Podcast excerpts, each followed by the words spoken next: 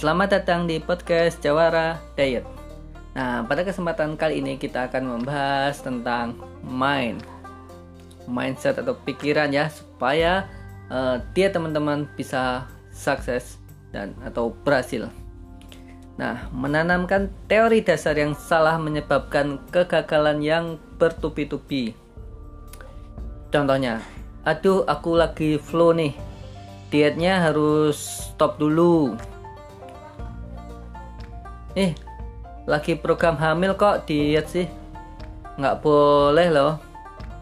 Aku mau diet sih, tapi kan masih remaja, nggak boleh kata mama.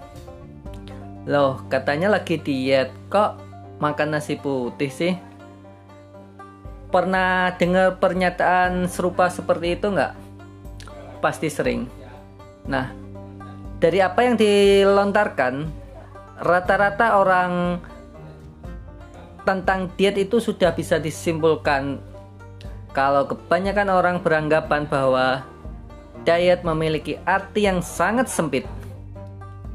Diet dianggap sebagai upaya menjadi langsing dengan mengurangi porsi makan atau menambahkan atau menahan maksudnya atau menahan makan saja. Saja. Ingat loh, ada kata saja. Nah,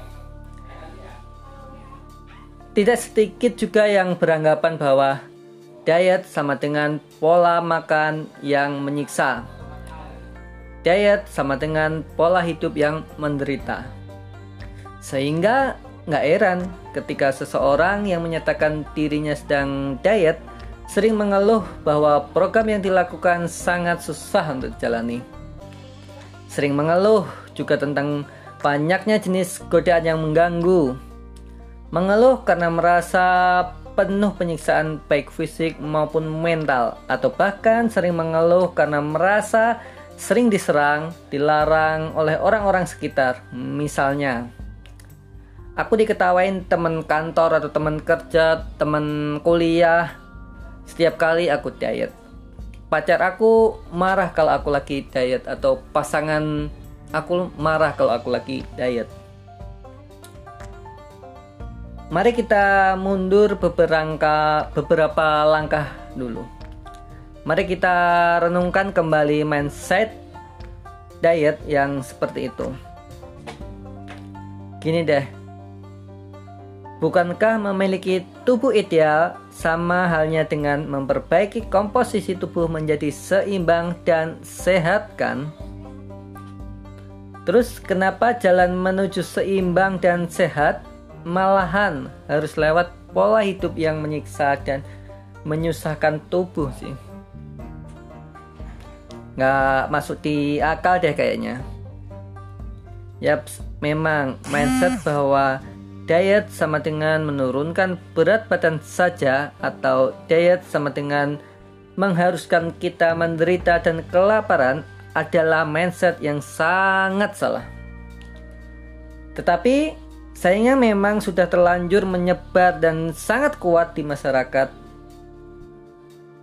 Mindset sedih kayak gini tertanam secara otomatis di alam bawah sadar kita sehingga pada detik kita berniat akan melakukan diet sebenarnya detik itu juga alam bawah sadar kita tuh berfisik. Bye bye makanan enak.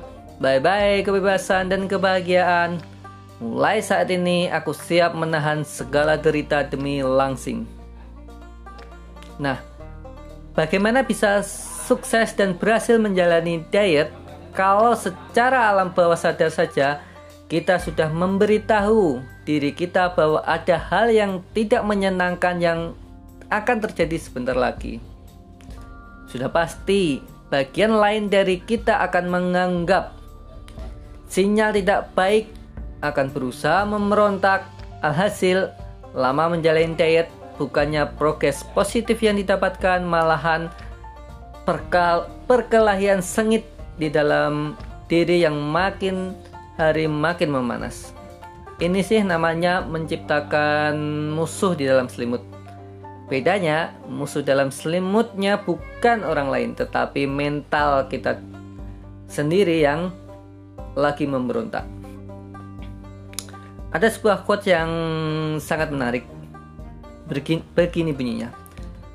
Kebanyakan orang tidak menyadari bahwa mereka merusak kondisi psikologi dirinya ketika akan melakukan su suatu diet tertentu.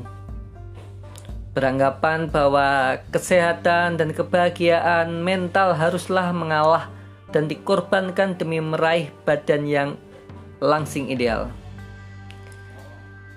Kesalahan mental adalah modal awal yang menentukan kesuksesan program diet teman-teman. Tanpa mental yang sehat, diet teman-teman justru akan menjadi mesin perusak diri yang kejam. Yuk, kita lurusin dulu sebelum memulai diet. Jadi sebenarnya diet itu apa sih? Besok akan kita bahas. Sampai ketemu besok.